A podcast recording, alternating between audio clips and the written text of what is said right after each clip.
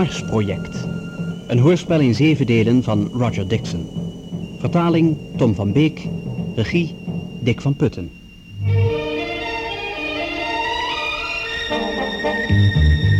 Tweede deel.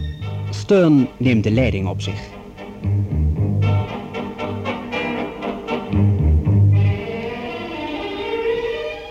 Londen in het jaar 2150. De Wereldraad is in spoedzitting bijeen om een dreigende catastrofe af te wenden. Geleerden en professoren vanuit de gehele wereld, waaronder uit Australië professor Tony James en zijn assistent Dr. Ivor Johnson, proberen een oplossing te vinden. Weliswaar kan de wereldbevolking van zo'n 20.000 miljoen zielen gevoed en gekleed worden, maar door de excessieve bevolkingsgroei leven de mensen onder steeds groter wordende spanningen. Er worden twee plannen besproken voor het verlichten van deze druk. Het eerste plan is ingediend door Sir Paul Calverley en zijn dochter Sarah. Zij hebben voorgesteld de planeet Mars geschikt te maken voor kolonisatie op grote schaal. Het tweede plan komt van professor Stern. Hij wil een deel van de mensheid invriezen om het later weer tot leven te brengen. S'avonds, na de vergadering, komt Sarah Calverley de beide Australiërs opzoeken om hen ervan te overtuigen dat professor Stern uitsluitend uit is op de wereldheerschappij, waarvoor zijn plannen als hulpmiddel moeten dienen om iedereen die zijn doel in de weg staat uit te schakelen. Tony James en Ivor Johnson gaan met Sarah mee naar de hotelkamer van haar vader. Maar als ze daar aankomen is de suite in donker gehuld en de professor is stervende. Het lijkt erop dat hij gewurgd is door een jonge man die bij aankomst van de gasten probeerde te ontsnappen. Het lijkt me niet dat Sir Paul is aangevallen. Ik heb geen vinger naar hem uitgestoken. Ik zweer het. Vertel ons toch maar eens wat je dan wel gedaan hebt. Ik ga even naar hiernaast. De dokter is bij mijn vader. Goed, de politie kan elk ogenblik hier zijn. Nou, vooruit. Komt er nog wat van? Mijn naam is Jarvis. Ik heb er niets mee te maken. Ik zweer het u. We zaten rustig te praten. Plotseling maakte Sir Paul een geluid alsof hij stikte. Alsof hij geen adem meer kon krijgen. Ik wist niet wat ik moest doen. Hij stond op, strompelde door de kamer en struikelde over het snoer van de lamp. Toen zijn waarschijnlijk de stoppen doorgeslagen. Ik wist me geen raad zo in het donker. Waarom ben je geen hulp gaan halen? Dat was ik net van plan. Maar toen hoorde ik mensen aankomen. Ik raakte helemaal de kluts kwijt. Ik, ik was gek van angst. En toen heb je je maar verstopt achter de deur. Je dacht zeker dat dat het beste was. Ik dacht helemaal niet. Ik wist alleen. Ik, ik, ik werd niet verondersteld hier te zijn. Waarom was je hier dan? Ik wou nog een kans wagen. Ziet u, ik heb vroeger onder Sir Paul gewerkt als assistent. Maar ik heb een paar fouten gemaakt en daarom kon ik mijn examens niet halen. Hij heeft me ontslagen. Eind van de maand zou ik op straat staan, zonder vooruitzichten. Zonder vooruitzichten? Natuurlijk. Wie zou me nog willen hebben? Ik was gedoemd om terug te vallen in de massa. Ik kon die gedachte niet verdragen. Ik zou nog liever dood zijn. Kwam dat ontslag van Sir Paul persoonlijk? Nee, van het hoofd van het laboratorium. En dan wou je het hogerop proberen. Terrence zou toch niet naar me geluisterd hebben. Het was mijn laatste kans. Ik ken Johnny Tarrant wel. We hebben een tijdje samengewerkt. Ik had altijd de indruk dat hij nogal collegiaal was. Tegenover mij niet. Wat voor fouten heb je gemaakt? Hoeveel? Een paar. Het is mijn schuld niet. Als een student eens een nieuw idee heeft, dan wil nooit iemand naar hem luisteren. Niemand is geïnteresseerd. Ach, uit, jongen. Professor Tarrant is de meest progressieve geleerde die ik ooit heb ontmoet. Dat is niet waar. Vanaf het begin had hij al de pest aan me. En daarom kwam je hier. En toen Sir Paul weigerde een besluit van een van zijn meest gewaardeerde medewerkers te doorkruisen, heb je je niet kunnen beheersen en je viel hem aan. Nee. Waarom moest je je dan verstoppen achter die deur? Waarom probeerde je mijn collega Ivor hier te vloeren? Waarom, als je toch niks gedaan had? We hebben alleen maar gepraat. Ik heb hem niet aangeraakt, ik zweer het. Weet je dat zeker? Anders krijgt de politie het er wel uit. Ik heb hem bij zijn revers gepakt. Miss Calverley, Mijn vader is gestorven. nee. De dokter is nog steeds met hem bezig, maar het heeft geen zin meer. Het is niet mijn schuld. Ik zweer het. Wat? Ik zou verder mijn mond maar houden als ik jou was. Hij is gestorven aan een hartaanval. We wisten allebei dat dat ieder ogenblik zou kunnen gebeuren. Nou, wat heb ik jullie gezegd? Stil jij. Daarom ging hij dag en nacht door om zijn plannen zo ver mogelijk uit te werken. Niemand wist er verder iets van. Hij verzweeg het voor iedereen, uit angst dat ze tegen hem zouden stemmen. Omdat hij niet in staat zou zijn om zelf de leiding op zich te nemen? Ja, Er zijn nog anderen ook. Juist daarom heeft hij zo wanhopig geprobeerd. Hij wist dat als het project eenmaal was geaccepteerd, dat het dan ook zou worden uitgevoerd, met of zonder hem. Maar hij is net te vroeg gestorven. Stern zal het winnen en alles waar mijn vader over in angst zat, zal realiteit worden. Hier, ga maar even zitten. Dank u. Wat moeten we met hem? Dat kon ik toch niet weten, dat hij een zwak hart had? Hoe moest ik dat nou weten? En wat is dat eigenlijk allemaal met die professor Stern? Laat hem maar gaan. Ik zal hem even naar beneden brengen.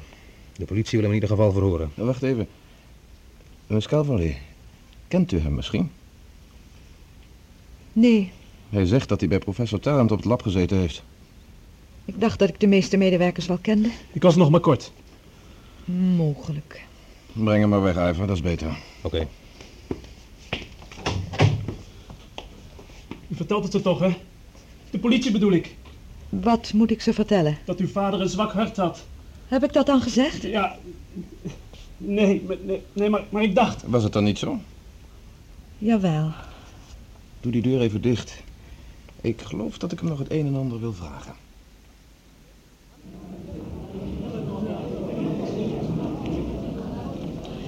Dit is professor Baer, de assistent van mijn vader bij de ontwikkeling van het Mars-project. U heeft hem gisteren horen spreken. Maakt u het, collega? Prettig kennis te maken. En dit is Dr. Ivor Johnson, Hoe maakt u het? allebei uit Australië. Ik ben enigszins op de hoogte van uw wetenschappelijk werk. Ik weet ook dat professor Calverley u graag in zijn team had opgenomen als het project van de grond zou komen. Maar dat is toch nog steeds mogelijk? Daar is Stern. Hij komt hierheen. Miss Calverley. Professor Stern? Miss Calverley, ik kan u haast niet zeggen wat een schok het voor mij was. Toen ik hoorde van de dood van uw vader. Zoals u weet waren hij en ik op sommige punten regelrechte tegenstanders. Maar ik heb in hem toch altijd in de allereerste plaats... een van de grootste geleerden van onze tijd gezien. Hij heeft u ook nooit onderschat. Ik weet het. Zijn dood verandert natuurlijk veel. Ik dacht wel dat dat het eerste was waar u over zou beginnen. Nee, nee, nee, nee, u begrijpt mij verkeerd. Hoe bedoelt u dat, collega? Geduld, beste beer. Vanaf het moment dat ik het bericht gehoord heb, heb ik aan niets anders meer gedacht. Nog even geduld. Dan zult u misschien ontdekken dat ik niet de man ben waarvoor u mij altijd versleten hebt. Eh, nogmaals, mijn lieve Miss Calverley, mijn sympathie. Eh, wilt u mij nu excuseren? Natuurlijk. Ik ben benieuwd wat hij in zijn schild voert. Weet je zeker dat we ermee doorgaan, Sarah? Ik kan voorlopig de leiding op me nemen. Ik heb plechtig beloofd dat ik, als er iets met vader mocht gebeuren voordat zijn plannen waren aangenomen, alles op alles zou zetten om het dreigende gevaar te voorkomen. Uitstekend. We kunnen beter onze plaats opzoeken. Daar komt de voorzitter al. Geloof je dat de politie enig verband kan leggen tussen Stern en de dood van Sir Paul? Misschien. Maar dat zal in ieder geval te lang duren. Ze gaan alleen af op een wettig bewijs.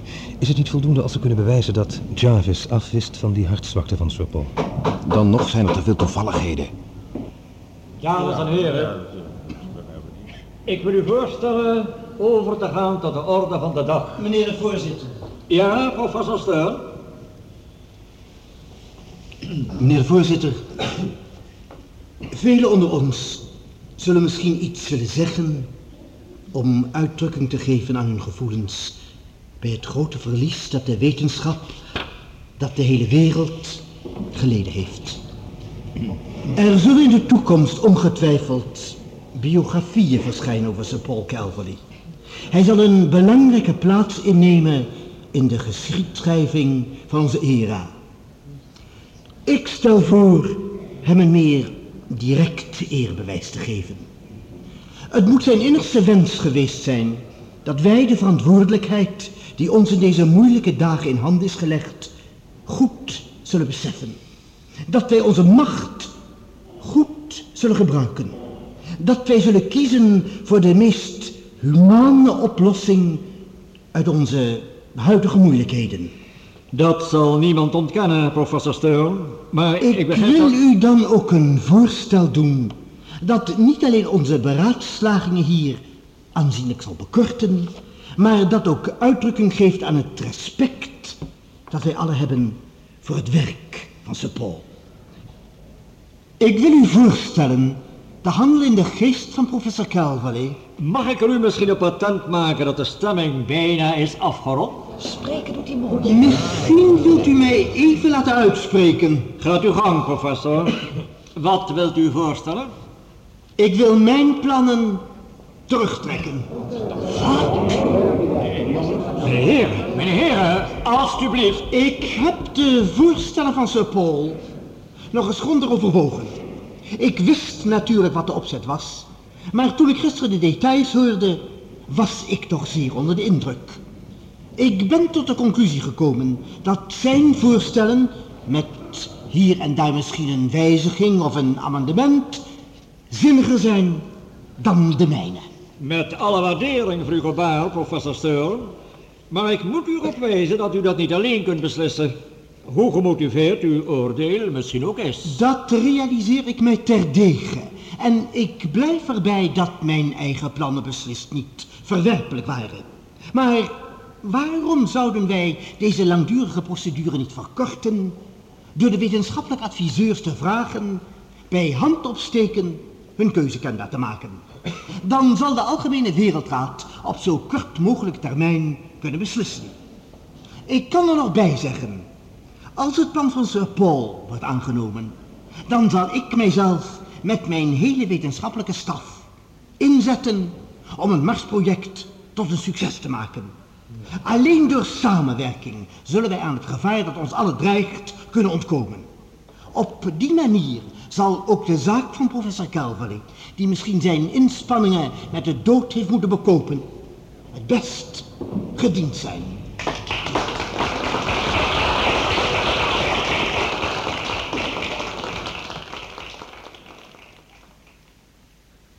Toen was het natuurlijk een uitgemaakte zaak.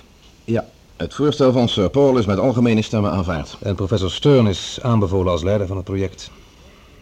Nou, wat vind jij ervan? Om te beginnen, ik vind dat rot voorbij. Dat is misschien wel zo, maar zelfs als voornaamste medewerker van Sir Paul heeft hij toch nog niet de wetenschappelijke merites van Stern. Hmm, dat is waar. En een ander ding is dat de hele zaak veel sneller zijn beslag kan krijgen als de twee teams samenwerken. Binnen? Neemt u me niet kwalijk, stoor ik? Nee, komt u binnen. We waren juist klaar met onze koffers. Ik kwam u even goeiedag zeggen. Ach, we hadden net even naar u toe willen komen om te zien hoe u het maakte. Oh, met mij gaat het prima. Wat gaat u nu doen? Ik weet nog niet. Ik heb er nog niet over gedacht. Wilt u niet even gaan zitten? Hm, Graag, dank u. Nou, wat vond u van die vertoning van Stern? Dacht u dat het niet anders was dan een vertoning? Natuurlijk. Dat blijkt anders nergens uit. Hoe kunt u dat nou zeggen na alles wat ik u over hem verteld heb? Neemt u me niet kwalijk, maar veel feiten, veel bewijzen hebt u natuurlijk niet. Wilt u soms beweren... Nee, wacht nou eens even.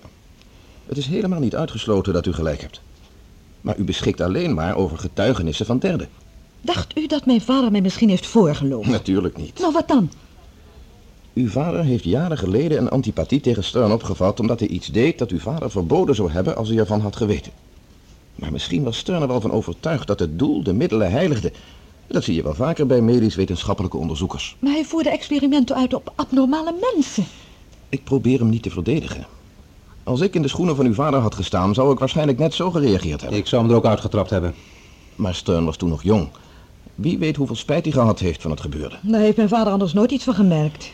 Dat sluit de mogelijkheid niet uit dat Stern wel degelijk het verkeerde van zijn handelwijze heeft ingezien. Daar komt nog bij dat de sancties van uw vader geen beslissende invloed hebben gehad op zijn carrière. Gaat u door? Uw vader is er nooit helemaal zeker van geweest of hij indertijd wel juist heeft gereageerd. Daar bleef hij maar over tobben. Hij had tenslotte de zaak in de doofpot gestopt. Dat zou hem wel eens extra gevoelig hebben kunnen maken voor iedere suggestie in de richting van eh, hoe slecht Stern wel is. Ik heb het verhaal van die laborant persoonlijk gehoord, meneer James.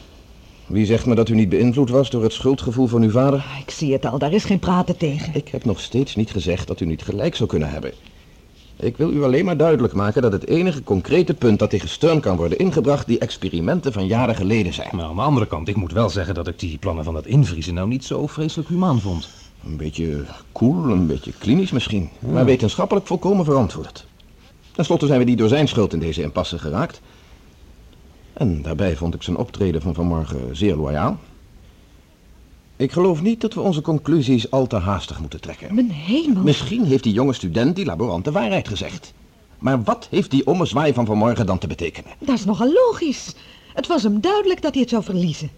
En hij heeft de eerste de beste gelegenheid aangegrepen om zich zonder gezichtsverlies weer bij ons aan te sluiten. Uw eerste reactie na de dood van uw vader was heel anders. Weet u nog hoe u ervan overtuigd was dat zijn plannen tot mislukken gedoemd waren... nu hij er zelf niet meer de drijvende kracht van kon zijn? Ik heb nu iets meer tijd gehad om erover na te denken. Als u gelijk hebt, als het alleen maar een manoeuvre van Stern is om de leiding in handen te houden... dan zult u toch niet meer kunnen volhouden dat hij Jarvis gestuurd heeft om een mogelijk dodelijk gevecht uit te lokken. Ik dacht dat ik u een beetje had leren kennen. Nu ben ik daar niet zo zeker meer van. Tony probeert u alleen maar te laten inzien dat u niemand kunt beschuldigen zonder voldoende kennis van de feiten. U kunt uw oordeel niet baseren op zomaar een aantal punten die in uw kraam te pas komen. Als u eerlijk wilt zijn, moet u ook de tegenargumenten overwegen. Ik ga wel even. Ja, Hoi, dank u. Een brief, gericht aan ons allebei. van wie? Van Stern? Stern? Wat wil hij? Hij wil ons spreken voor we vertrekken. Eh, Miss Calverley, waar gaat u heen? Tot ziens. Het is jammer dat ik het niet eerder in de gaten heb gehad. Maar wacht nou eens even, wat bedoelt u? Ik bedoel niks. Het is toch wel duidelijk genoeg, zo dacht u niet? Wacht maar, Tony. Miss Calverley, kom terug. U weet niet wat u zegt. Miss Calverley, komt u terug alstublieft. Miss Calverley. Ik dank u allen dat u aan mijn oproep gehoor hebt gegeven, heren. Ik geloof dat we allemaal zijn, behalve professor Beer en Miss Calverley. Ik hoop dat zij later nog zullen komen. Ik zal proberen het kort te maken. Uw vliegtuigen wachten niet. Vanmiddag heeft de Algemene Wereldraad in verband met de uiterste urgentie waarmee eventuele plannen moeten worden uitgevoerd, in een korte vergadering besloten het advies van het Internationaal Geofysisch en Planetair Bureau te volgen en opdracht te geven tot de voorbereidingen van het Marsproject. Zo ook werd het voorstel aanvaard de beide projectgroepen samen te voegen onder mijn leiding. Eh, wat zal dan de positie zijn van professor Baer? Ik hoop dat hij zal willen optreden als mijn voornaamste assistent, samen met Dr. Hilda Rand.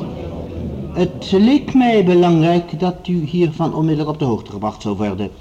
De leden van de verschillende teams hebben dan gelegenheid kennis met elkaar te maken. Ik zal niet zeggen elkaar te leren kennen, dat komt later wel. James, Brisbane, Australië. Gaat u gang.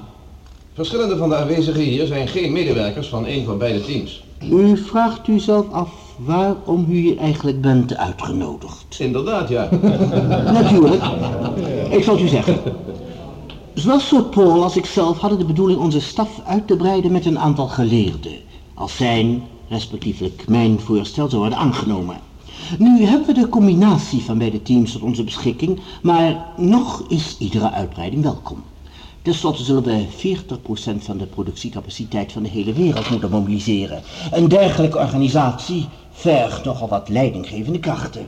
Ik zou dus uw hulp willen inroepen. Niet alleen uit mijn naam, maar ook uit naam van hem die u misschien vanavond zou hebben toegesproken.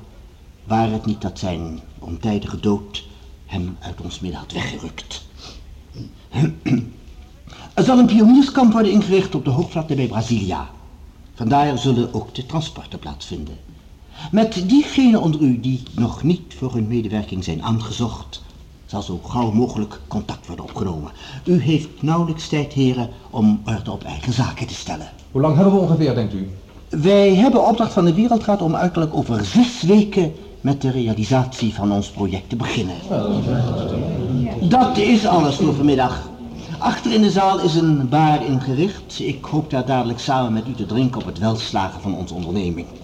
Ik hoop u allen nog even persoonlijk te spreken voor u vertrekt. Ik dank u voor uw komst.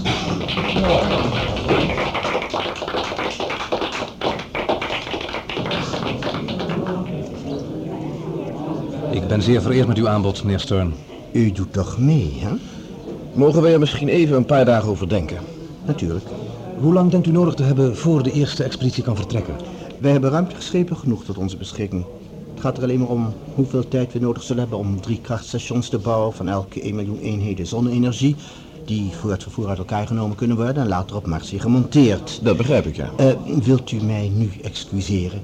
Er zal contact met u worden opgenomen zodra u weer in Australië bent. Er hangt veel van uw besluit af. In mijn eentje kan ik niets doen. We zullen u zo gauw mogelijk ons besluit laten weten. Dank u. Eh, Tussen de jaartjes weet u misschien ook of Miss Calvary vanavond nog komt? Ik heb haar namelijk ook een uitnodiging gestuurd. Ik zou het niet weten. Ze voelde zich niet helemaal goed, geloof ik. Oh. Ja, dat kan ik me voorstellen. Misschien had ik beter een paar dagen kunnen wachten. Maar ik wilde u zo graag allemaal bij elkaar hebben. Ze zal u wel bericht sturen, denk ik. Ja, ja dat hoop ik. Ach, eh, beste Hilde, mag ik je misschien even voorstellen? Nou, Tony?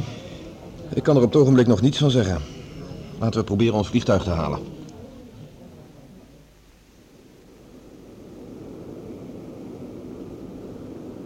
Wilt u misschien iets te lezen hebben, professor Baer? Nee, dank u. Misschien iets anders? Nog iets te drinken? Weet u ook hoe laat we in Brasilia aankomen? 18 uur, 6 uur plaatselijke tijd. Nog een half uurtje. Dank u. Neemt u niet kwalijk, professor. Wat is er? Mag ik u iets vragen? Oh, ik heb toch niets anders te doen. Ik hoop dat u mij niet te brutaal zult vinden. Maar toen ik u hier zo zag, schoot het me plotseling te binnen dat ik in de krant heb gelezen, eh, zo'n week of drie geleden, dat u geweigerd had mee te werken aan de uitvoering van het Mars-project. U gelooft toch niet alles wat er in de courant staat? Dus u doet wel mee. Voor zover ik weet wel, ja. Mooi, geweldig. Schijnt nogal een opluchting voor u te zijn. Ah, nee, daar gaat het niet om. Maar, maar toen ik zo op de televisie zag wat er allemaal gaat gebeuren, toen dacht ik, nou heeft iemand anders de positie die u eigenlijk zou moeten hebben. Ach, ik weet het niet. Ja, nu uw collega zo plotseling overleden is. Ik dacht... Nou, het is in ieder geval prettig te weten dat u toch meedoet. Dank u. Wat hebt u een belangstelling voor deze zaak? Ik was echt niet beledigd hoor, toen ik gepasseerd werd. Ik had er zelfs nooit aan gedacht de plaats van Sir Paul in te nemen. Het zat er wel in dat ze iemand zouden nemen met meer, eh, met meer ervaring op het politieke vlak. ik begrijp het. U bent er in ieder geval bij, als de plannen waaraan u heeft meegewerkt worden gerealiseerd. Inderdaad. Eh, Nu moet u mij eens wat vertellen. Wat is dat? Er stapt lucht uit de cabine! Kom hier. Ik moet naar voren! Hou je vast aan het vouwje. Wat vind je ergens in de staart? Kijk! Kijk, de ramp scheurt op als een sardineblikje! Wat er ook gebeurt.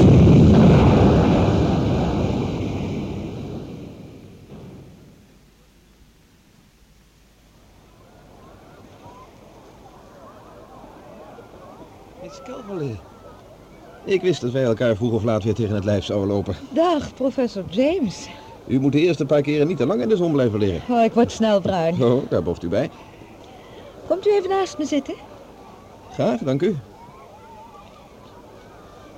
U, eh, u hebt het zeker al gehoord? Ja.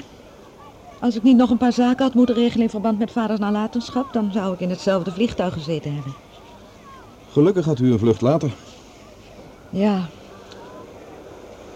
Ik, eh, ik had me voorgenomen om mijn excuses te maken als ik u ooit nog eens zou zien.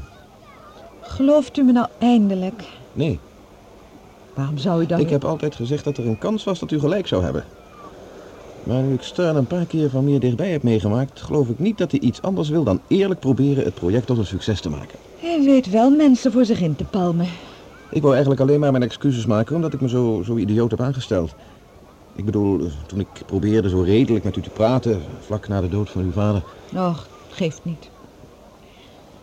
Ik moet me ook verontschuldigen dat ik dacht dat u met hem onder één hoedje speelde. Ach, in zekere zin hebben we allemaal ons lot in zijn handen gelegd, Miss Calverley. Nu we dan toch gaan samenwerken, professor, wilt u dan niet liever Sarah zeggen? Alleen omdat we gaan samenwerken. ik heet Tony. Wat was eigenlijk de oorzaak van het ongeluk?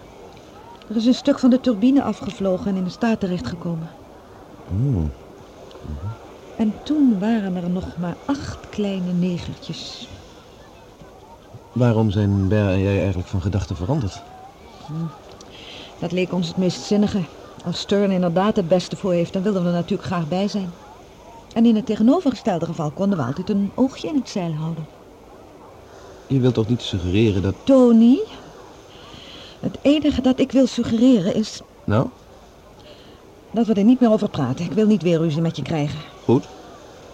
Laten we het maar houden op wat jij zei. Je bedoelt, de tijd zal het leren. Ja. We kunnen niets doen tot we zekerheid hebben. Laten we maar zo goed mogelijk opletten. Onze oren en ogen wijd openzetten. Uitstekend. Ik ben het volkomen met je eens. Dat hoop ik dan maar. Je weet best wat ik bedoel. Dat is dan afgesproken. Wat heb jij gedaan in die tijd?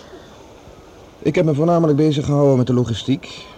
Je weet wel wat er allemaal nodig is aan voorraden, reserveonderdelen enzovoort. Wanneer en hoe het op de goede tijd op de goede plaats terechtkomt. En je vriend? Ivor, die is alvast vooruit. Naar Mars. Ja, hij moet er nou zo ongeveer zijn. Hij bemoeit zich met de chemische kant van de zaak. Ze zijn vooruit gegaan om twee experimentele werkplaatsen op te zetten om onderzoekingen te doen over de verschillende manieren van zuurstofverrijking van de atmosfeer. Om het vast een beetje in de praktijk uit te proberen. Op heel kleine schaal natuurlijk, maar in ieder geval al veel groter opgezet dan de experimenten tot nu toe. Ik dacht dat dat Wally zijn taak zou worden. Wally? Professor Bear. Oh, ja, ja. Ja, die was er hier in het laboratorium al mee bezig, hè? Maar hij werkte maar met een beperkt aantal grondmonsters, getrokken dicht om de bestaande basis heen. Hij heeft in de korte tijd dat hij op Mars was niet meer kunnen verzamelen. Daarom juist. En hoe meer we in de praktijk kunnen uitproberen, des te groter wordt onze kans van slagen. Een deel van deze eerste expeditie zal zich bezighouden met het uitbreiden van de bestaande plastic overkoepelingen. Kwartier maken voor de komende invasie. Wanneer vertrekt de eerste grote groep? Over een maand of vier. Tegen die tijd hopen we ook het eerste krachtstation zo ver klaar te hebben dat er vast delen van kunnen worden overgebracht. Is er iets? Oh, nee. Zomaar een gek idee dat bij me opkwam. Dat jij dat nou allemaal aan mij zit uit te leggen. Ja, idioot. Maar eh, nu je er dan eindelijk bent, kun je gauw zelf de draad weer oppakken. Hm? Dat zal wel, ja. Je zult wel gelijk hebben. Stern heeft me gevraagd of ik de supervisie over de sporenontwikkeling op me wou nemen. Maar dat doe je toch zeker? Dat was altijd mijn taak al. Het succes van het project hangt min of meer af van het feit of onze voorspellingen uitkomen. Het doet me genoegen dat... ik bedoel, eh, ik ben blij dat je hier bent. Dat doet me een genoegen. Dat jij blij bent.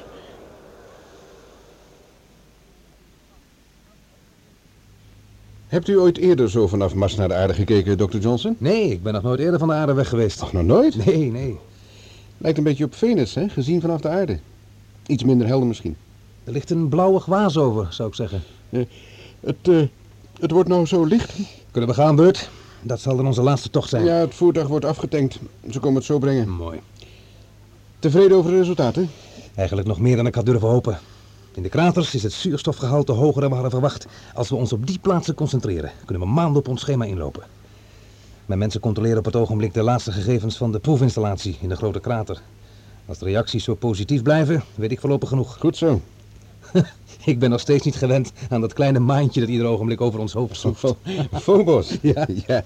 Ja, daar amuseert iedereen zich mee in het begin. Nou, zullen we dan maar? Het is nog altijd een paar uur rijden en anders worden mijn mensen misschien ongerust. Ja, sorry. Ik zou u nooit uit uw werkplaats in de krater hebben laten wegroepen zo midden in de nacht... als dat ongelukje met die computer niet was gebeurd. U, u bent de enige die hem kan eh, programmeren. Ja, ik begrijp er nog steeds niks van. Hoe is die band in hemelsnaam uitgewist? Het hele programma is uren achterop geraakt. Nou, als u weg bent, dan zal ik hem nog eens grondig nakijken. Dank je. Eh, weet je, Bert, dat ik gisteren al een paar minuten buiten de koepels heb gelopen zonder extra zuurstof? Ja, ik heb absoluut geen last gehad. Kom, laten we gaan. Dan zijn we misschien alweer terug voordat de anderen me daar missen.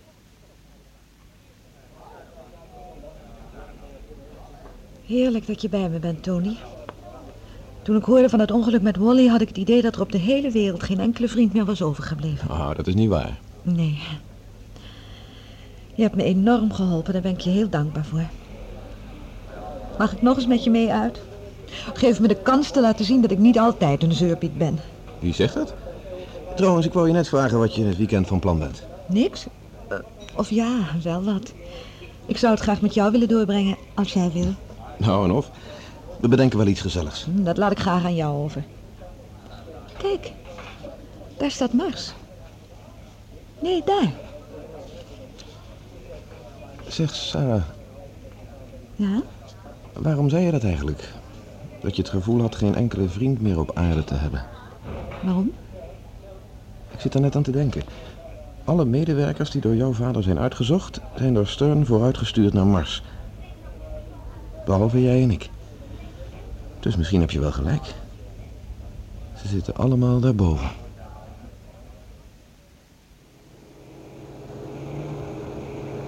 We hebben geluk. Het rijspoor ligt nog open. Nog een rot eind door die dode vlakte. Ze zullen binnenkort wel een punt bepalen als magnetisch noorden, net als op de maan. Dat denk ik ook wel, ja. Maar het zal nou niet lang meer duren voordat het landschap een beetje kleur krijgt. Gek zo'n terrein zonder herkenningspunten. In dat opzicht verschilt het niet veel van de maan. Maar dat zal gauw anders worden. Het is minder heuvelachtig dan de maan. En het gesteente heeft meer kleur. Maar je moet eens opletten hoe vlug dat straks verandert. Ja.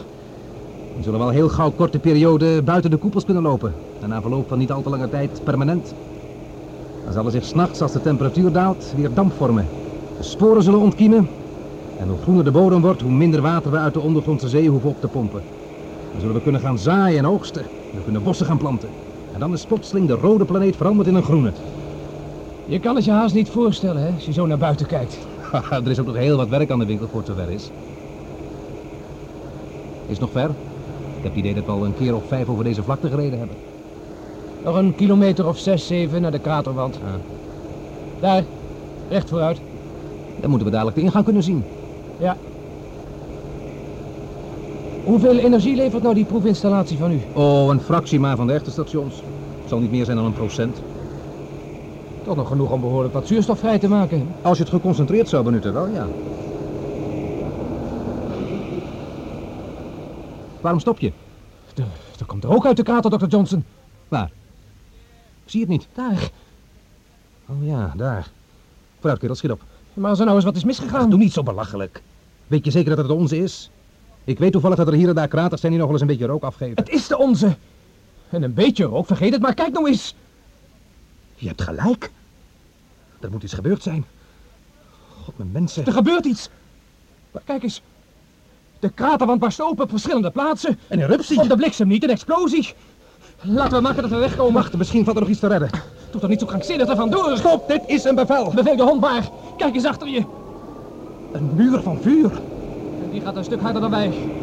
We moeten zien uit de buurt te blijven. Ik begrijp er niks van. Je, je kunt de grond voelen schokken. Ik heb nooit een lavastroom zo snel zien gaan. Ze hebben het geen van allen overleefd. Kring bijna niet houden. Komt door de geringe zwaartekracht. Hoe ver liggen we nog voor? Kilometer of drie. We halen het nooit op deze manier. We zullen moeten lopen. Lopen? Met die geringe zwaartekracht hier komen we snel vooruit als we rennen. Zelfs met onze ruimtepak aan. We zullen nooit ver genoeg kunnen komen. Misschien niet. Maar als we in dit ding blijven zitten, zijn we over een paar minuten geroosterd. En onze zuurstofvoorraad dan? Die is nooit genoeg voor meer dan een paar uur. Als we halen. Daar. Daar. Kilometer of vier voor ons is een heuvel. Als we die kunnen bereiken, zijn we veilig. Ergens moet die stroom toch tot stilstand komen. Nou hier of, of daar doodgaan. Ze zullen ons toch wel van de basis komen halen. Vooruit, dit is onze enige kans. Ik doe niet mee. Ik probeer het wel zo. Zoals je wilt. Sluit je ruimtepak. Doe het dak open en ik spring. Je doet maar.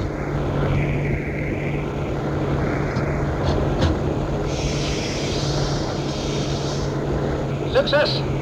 Ik spring!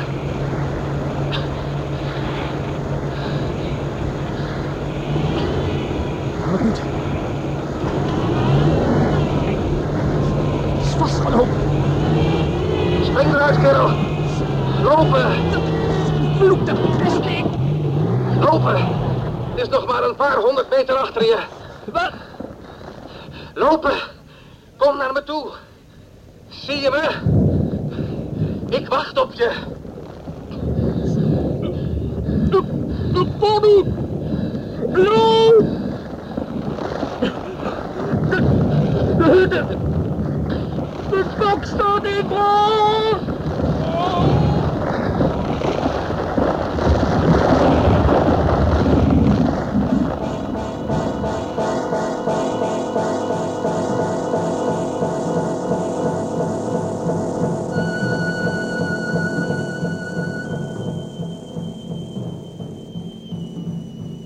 Stern neemt de leiding op zich was het tweede deel van Het Marsproject. Een hoorspel in zeven delen van Roger Dixon. Vertaling Tom van Beek. De rolverdeling was als volgt. Tony James, Paul van der Lek. Ivor Johnson, Hans Veerman. Dr. Brick, Kommer Klein. Sarah Calverley, Willy Bril. Professor Stern, Paul Deen. Professor Baer, Willy Ruys. Jarvis, Jos Lupsen. Een stewardess, Joke Hagelen. David Bird, Bob Verstraeten. En een assistent, Hans Karsenberg. De regie had Dick van Putten.